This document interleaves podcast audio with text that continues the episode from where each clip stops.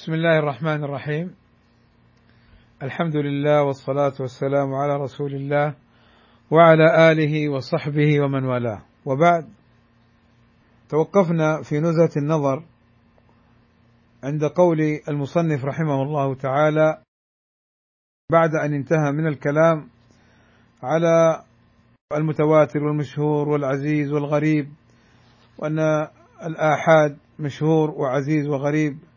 فيها المردود وفيها المقبول. ثم ناقش بعض المسائل واليوم إن شاء الله نقرأ ما يتعلق بمسألة قبل أن ندخل في كلام الحافظ رحمه الله تعالى أبينها لكم سريعا. مسألة خبر الواحد. مسألة خبر الواحد. هل يفيد العلم أم يفيد الظن؟ ما الفرق بينهما؟ إذا أفاد العلم معناه أنه نقل صحيح ثابت لا شك فيه. وإذا قلنا أنه ظني فمعناه أنه نقل ثابت على الغالب الظن الغالب مع احتمال أن يكون هناك وهم أو خطأ. احتمال شيء يعني ضعيف أن يكون هناك وهم أو خطأ. طيب الذين بحثوا هذه المسألة بهذه الصورة إيش مقصودهم؟ عند أهل السنة والجماعة عندهم أنه إذا ثبت الخبر آحاد كان أو متواترا أنه يجب العمل به وأنه يفيد العلم بنقل الثقات أو بالنقل المعتبر في ثبوته يفيد العلم وأن هذا الاحتمال يبقى بعيدا ويبقى ضعيفا إلا إن ترجح أمر آخر. وبالتالي عندهم أخبار الآحاد عند أهل السنة والجماعة عند السلف الصالح أخبار الآحاد تدخل في الأحكام وفي العقائد. وهذا الفرق بينهم وبين أهل الكلام وبين بعض المنحرفين من المعتزلة والأشاعرة وغيرهم الذين يقولون إن أخبار الآحاد لا يعمل بها في العقائد. لا يعمل بها في العقائد. وقد رد عليهم الألباني رحمه الله تعالى وغيره من أهل العلم قديما بل حتى في البخاري عقد ابوابا في الرد عليهم. وللالباني في ذلك رسالتان مطبوعتان. ذكر الأدلة ورد عليهم وقرر المسألة. والمسلم مطالب بأن يعمل بما ظهر له وليس مطالب بأن يعمل بالأمر الذي لم يظهر له أو في حقيقة الأمر. الحافظ ابن حجر بعد ما ذكر أن المتواتر يفيد العلم الضروري سيذكر أن خبر الآحاد يفيد العلم النظري. لا في جميع صوره وإنما في صور معينة. ولكن الذي يظهر من الأدلة ومن عمل السلف أن خبر الآحاد إذا ثبت في نقله فإنه يفيد العلم. قال الحافظ رحمه الله تعالى وقد يقع فيها أي في أخبار الآحاد. المنقسمة إلى مشهور وعزيز وغريب ما يفيد العلم النظري بالقرائن. والعلم النظري هو الذي يحتاج إلى استدلال وبحث. بالقرائن يعني خبر آحاد على سبيل المثال قرينة تجعله يفيد العلم النظري كونه في الصحيحين أو في أحدهما لأن الأمة أجمعت بصحة جميع ما في الصحيحين إلا أحرف يسيرة كما سيأتي إن شاء الله تعالى. قال بالقرائن على المختار خلافا لمن أبى ذلك خلافا لمن منع ذلك. يعني من أهل الكلام ومن الأشاعرة والمعتزلة. قال والخلاف في التحقيق لفظي لأن من جوز إطلاق العلم قيده بكونه نظريا. وهو الحاصل عن الاستدلال. ومن أبى الإطلاق خص لفظ العلم بالمتواتر وما عداه عنده كله ظني لكنه لا ينفي أن ما احتف بالقرائن أرجح مما خلا عنه. الحقيقة إن الخلاف لفظي إذا كان الكل يوجب العمل به ويوجب تصديقه. وهذا هو العلم. وأما إذا انتقلنا إلى قضية التفريق وانه لا يعمل به في باب العقائد بل بعض الناس نسأل الله السلامة والعافية يقول الأحاديث الواردة في الطب والعلاج إذا جاءت من طريق الآحاد لا يعمل بها. يعني هكذا تسلسلوا في رد السنة والطعن فيها بهذه الطرق المعوجة. ولا شك أنه لا يلتفت لقولهم لأنه خلاف إجماع السلف من قبول خبر الواحد في الأحكام والعقائد وأنه يوجب العلم والعمل إذا ثبت في النقل. طيب قال والخبر المحتف بالقرائن أنواع. الآن يذكر لنا القرائن ما هي.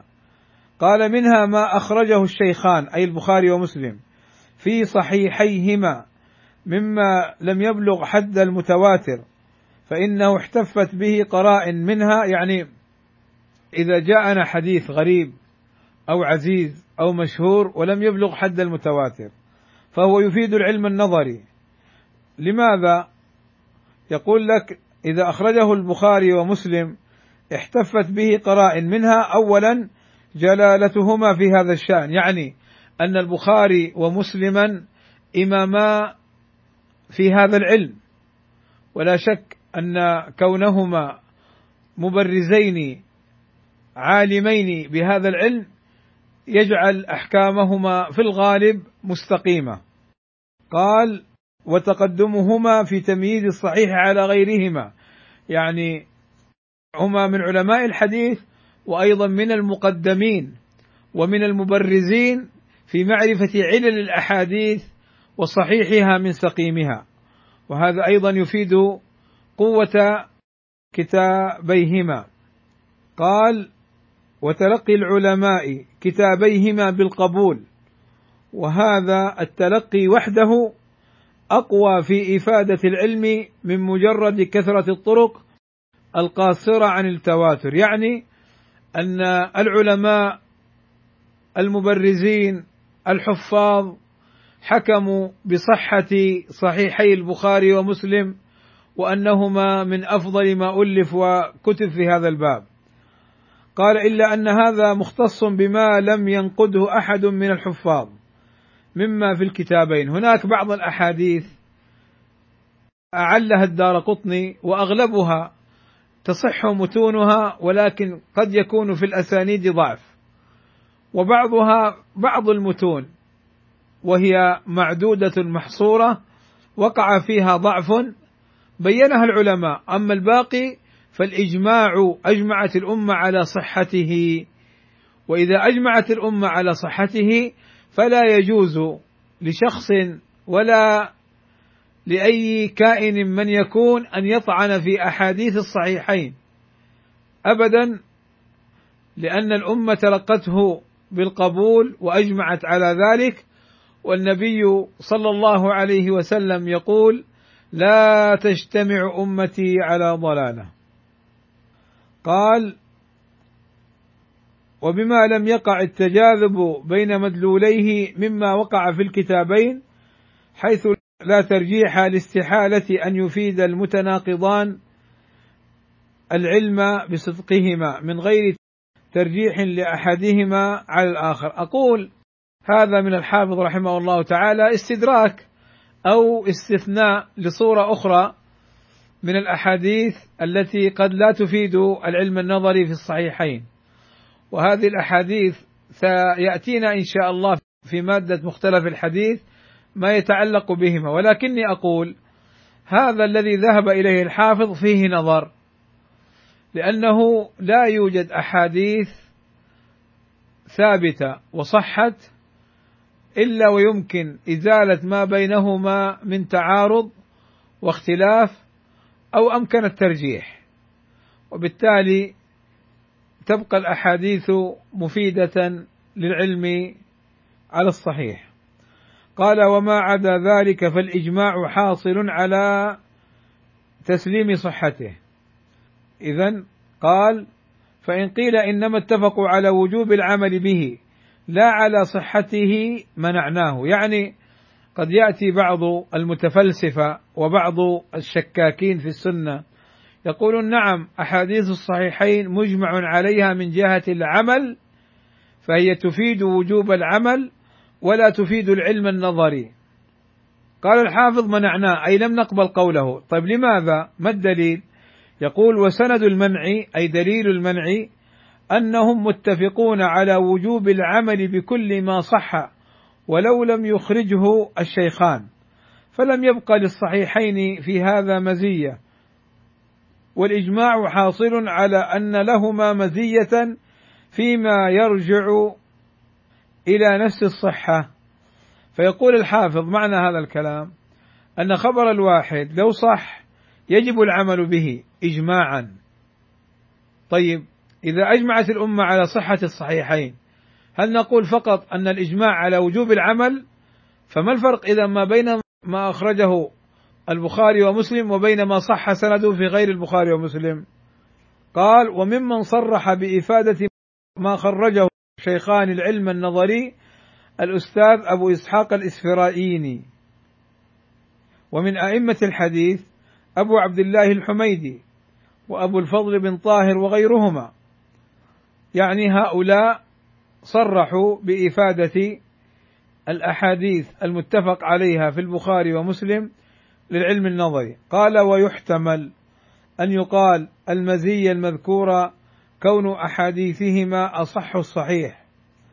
كون أحاديثهما أي البخاري ومسلم أصح الصحيح هذا احتمال. لكن كما سبق أن خبر الواحد إذا ثبت النقل أفاد العلم ووجب العمل به. الصورة الثانية من القرائن قال ومنها المشهور إذا كانت له طرق متباينة والطرق المتباينة كأن يكون أحدهما مكي والآخر مثلا مصري والثالث شامي أو أن لا ترجع هذه الطرق إلى طريق واحد بل طرق متباينة. فيروى هذا الحديث من عدة طرق مختلفة. قال إذا كانت له طرق متباينة سالمة من ضعف الرواة والعلل. يعني إذا كان جاء من ثلاث طرق فأكثر وكانت سليمة وصحيحة من ناحية الرواية فإنه يفيد العلم النظري وذلك لأنه جاء أولا من طرق متعددة فاحتمال الوهم والخطأ بعيد. يؤكد ذلك أنه جاء من طرق لا علل فيها مع حفظ رواتها فهي سالمة من الضعف. قال وممن صرح بإفادته العلم النظري الأستاذ أبو منصور البغدادي والأستاذ أبو بكر بن فورك وغيرهما. طبعا هؤلاء بعضهم أشاعرة وبعضهم ماترودية فلا عبرة بهم في حصرهم خبر الواحد الذي يفيد العلم بهذه الطرق. لأنه عندنا القاعدة السابقة أن الصحيح أن خبر الواحد إذا ثبت في النقل وصح في النقل وجاء من طرق معتبرة فإنه يفيد العلم ويوجب العمل. وإلا فالنبي صلى الله عليه وسلم كان يرسل آحاد الصحابة لما أرسل معاذ إلى اليمن. أرسل عشرة ولا عشرين ولا ثلاثين؟ أرسل معاذ. إنك ستأتي قوما هم أهل الكتاب. فليكن أول ما تدعوهم إليه شهادة أن لا إله إلا الله وأن محمدا رسول الله. فانهم أطاعوك لذلك. الحديث. فأرسل معاذا فقط. ودعاهم إلى الإسلام وإلى التوحيد. فقامت عليهم الحجة بذلك بجنة أو نار. فلو لم تقم الحجة عليهم بذلك وما أفاد العلم لأرسل النبي صلى الله عليه وسلم عشرات الصحابة إلى اليمن. وكذلك أرسل بعض الصحابة إلى الشام إلى هرقل وهكذا. لم يرسل عددا كثيرا. قال ومنها المسلسل بالأئمة الحفاظ المتقنين حيث لا يكون غريبا كالحديث الذي يرويه أحمد بن حنبل مثلا ويشاركه فيه غيره عن الشافعي ويشاركه فيه غيره عن مالك ابن أنس فإنه يفيد العلم عند سامعه بالاستدلال من جهة جلالة رواته. يعني إذا روى الإمام أحمد عن الشافعي عن مالك عن نافع عن ابن عمر مثلا هؤلاء أئمة حفاظ فإذا شاركهم أيضا غيرهم غير أحمد في الرواية عن الشافعي وغير الشافعي في الرواية عن مالك وغير مالك في الرواية عن نافع. أفاد هذا العلم النظري بالبحث والاستدلال. طبعا نحن نمشي الآن ونسير مع كلام الحافظ وإلا فالعبرة بما قدمناه اولا. قال من جهة جلالة رواته وأن فيهم من الصفات اللائقة الموجبة للقبول ما يقوم مقام العدد الكثير من غيرهم. قال ولا يتشكك من له أدنى ممارسة بالعلم وأخبار الناس أن مالكا مثلا لو شافهه بخبر أنه صادق فيه فإذا انضاف إليه من هو في تلك الدرجة ازداد قوة وبعد عما يخشى عليه من السهو يعني من الوهم والخطأ. قال وهذه الأنواع التي ذكرناها لا يحصل العلم بصدق الخبر منها إلا للعالم بالحديث المتبحر فيه العارف بأحوال الرواة المطلع على العلل. يعني يكون متخصصا ناقدا بصيرا بعلل الحديث وبتراجم الرواة وبطرق الروايات ونحو ذلك. قال وكون غيره لا يحصل له العلم بصدق ذلك لقصوره عن الأوصاف المذكورة. الأوصاف المذكورة المراد بها التبحر والمعرفة بأحوال الرواه والاطلاع على العلل. قال لقصوره يعني لعدم بلوغه تلك المرتبة. قال لا ينفي حصول العلم للمتبحر المذكور والله أعلم. يعني يقول إنه هذا لا يحصل لكل أحد. الحقيقة النوع الأول المفترض يحصل للكل وهو ما اتفق عليه البخاري ومسلم. وأما المسلسل وكذا المشهور أو ما رواه عدد فنعم يعني يحصل للمتبحر والعالم. ولكن هذا على التسليم بأن خبر الآحاد يفيد العلم بهذه فقط. نحن نقول الحجة في النقل. إذا ثبت النقل وجب العمل وأفاد العلم. قال ومحصل الأنواع الثلاثة التي ذكرناها. أن الأول يعني ما اتفق عليه البخاري ومسلم يختص بالصحيحين. والثاني يعني المشهور بما له طرق متعددة مع سلامتها من العلل والضعف. والثالث بما رواه الأئمة الحفاظ وإن لم يبلغ حد المشهور. قال ويمكن اجتماع الثلاثة في حديث واحد. يعني يكون الحديث في الصحيحين ورواه الأئمة وجاء من ثلاث طرق فأكثر. قال فلا يبعد حينئذ القطع بصدقه والله أعلم. أقول كل هذه الأنواع وكل هذا الكلام للأسف فيه تأثر بتلك المذاهب التي خالفت منهج السلف الصالح رضوان الله عليهم في قبول خبر الآحاد ووجوب العمل به. ولكن نقرأها من باب فهم الكلام مع التعقيب عليه فالعجب أن هؤلاء يجعلون حكم العقل يفيد العلم وخبر الآحاد الذي جاء من طريق أو ثبت من طريق أو طرق بالمجموع أو بالآحاد أنه لا يفيد العلم. وهذا لا شك يعني تناقض. لماذا؟ لأن العقل احتمال السهو والوهم والخطأ فيه أكبر من النقل الذي سلم من الخطأ أو الوهم أو لم يتبين فيه الخطأ والوهم. عموما نرجع مرة أخرى فنقول إن خبر الآحاد يفيد العلم ويجب العمل به إذا ثبت عن طريق النقل. والله أعلم وفي هذا القدر كفاية. وأنبه إلى أن اللقاء يوم الأحد والاثنين سيتوقف وسنبتدئ إن شاء الله مع بداية شهر محرم أول أسبوع بإذن الله تعالى.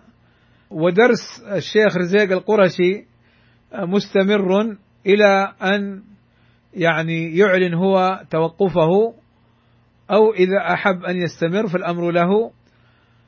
بالنسبة أيضا للمدارسات وحفظ القرآن ستتوقف بإذن الله تعالى إلى أسبوعين من العيد عيد الأضحى يعني بعد أسبوعين من عيد الأضحى. كذلك على أني أقول إذا يسر الله عز وجل أن يكون هناك لقاء لمحاضرة أو لأسئلة وأجوبة ليس الأسبوع القادم ولكن الذي بعده سيكون هناك إعلان من قبل عن هذا الأمر.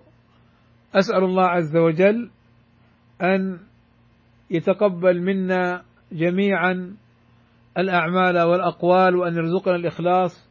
وأن يوفقنا لصيام يوم عرفة وأن يجعلنا من المقبولين الفائزين وأن يحفظنا جميعا من الفتن ما ظهر منها وما بطن. وصلى الله وسلم على نبينا محمد وعلى آله وصحبه أجمعين والحمد لله رب العالمين.